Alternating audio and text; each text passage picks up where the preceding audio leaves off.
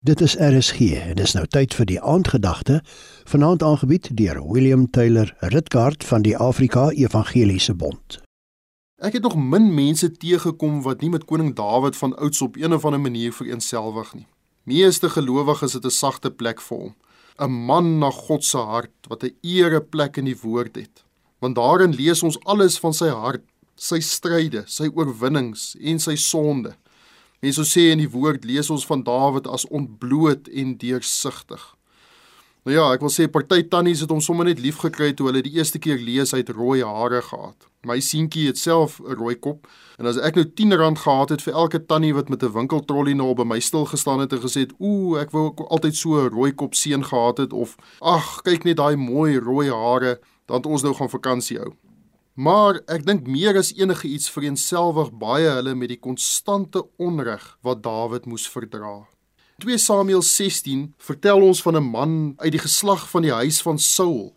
Dis nou dieselfde Saul aan wie Dawid nie sy hand wou slaan nie omdat Saul die gesalfde van die Here was. En hierdie man se naam was Simei. En dan lees ons hy het gekom en gedurig deur gevloek en Dawid en al die dienaars van die koning van Dawid met klippe gegooi alhoewel al die mense en al die helde aan sy regter en aan sy linkerkant was. Wat, vra ons, het hierdie ou die koning met klippe gegooi? Inderdaad. Mense dink dat as Dawid, die krygsman, omring met helde, nie vrees by Simei sou inboesem nie, sou Dawid se lewe godsvrees by hom bring. Ek meen al klip wat Dawid ooit gegooi het, was ter verdediging van God se eer. En toe Saul die spies na Dawid gegooi het, het hy dit nie uit die muur geruk en teruggegooi nie, maar hier reën die klippe op hom, op Dawid. In Hoofstuk 16 vers 14 sê en moeg het die koning en al die mense wat by hom was by die Jordaanrivier aangekom en daar asem geskep. Voel u dalk ook so, liewe luisteraar?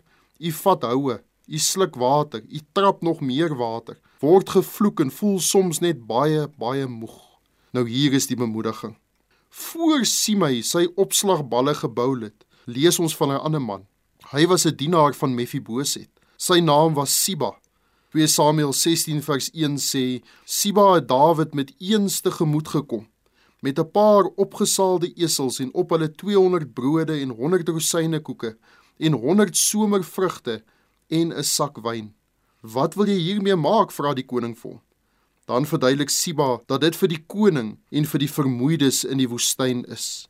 Die lewe is nou maar so. Soms reën dit klippe, soms reën dit seën. Party ouens vloek, ander bemoedig. Maar hier moet ons die Here se hart raak sien. Nog voor die vyand aangeval het, het die Here gevoed en beskerm en hy het nog nooit verander nie. Hy sien die onreg en getrou aan homself sal hy ook weer bemoedig. Hou moed, liewe vriend. Amen. Die aandgedagte hier op RSG is aangebied deur William Taylor Ritkaart van die Afrika Evangeliese Bond.